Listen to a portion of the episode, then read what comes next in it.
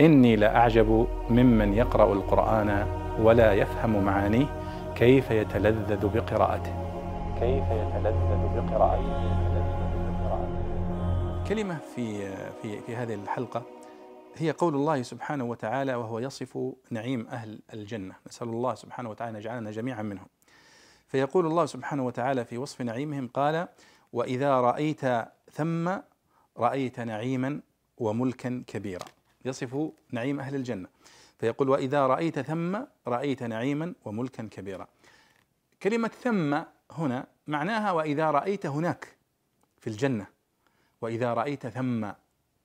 وفي بعض لغات العرب يقولون ثمة. وثمة أمور أخرى يعني وهناك أمور أخرى. فثم وثمة معناها هناك. البعض يظن أن وإذا رأيت ثم. أنا سمعت من يقرأها بالضم. وهو خطأ طبعا ولم يقرأها أحد بهذا.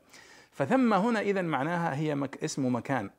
معناها وإذا رأيت ثم إذا رأيت هناك في الجنة في ذلك النعيم رأيت نعيما عظيما وملكا كبيرا. نسأل الله من فضله. فإذا هذه الكلمة يعني البعض ربما لا يفهمها كما ينبغي. فأردت أن أنبه عليها في هذه الحلقة. وإذا رأيت ثم يعني إذا رأيت هناك إذا رأيت في الجنة ثم بمعنى هناك. ولا زالت في كثير من لهجاتنا اليوم تستخدم هذه الكلمة بنفس الطريقة.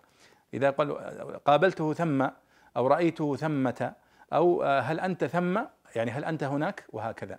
فهي كلمة منتشرة في بعض اللهجات العربية اليوم ولكنها ربما لم تعد مستخدمة في لهجات أخرى فتصبح غريبة عليهم. ونحن نبهنا مرارا في هذه الحلقات إلى أن غريب القرآن نسبي من حيث المكان ونسبي من حيث الزمان.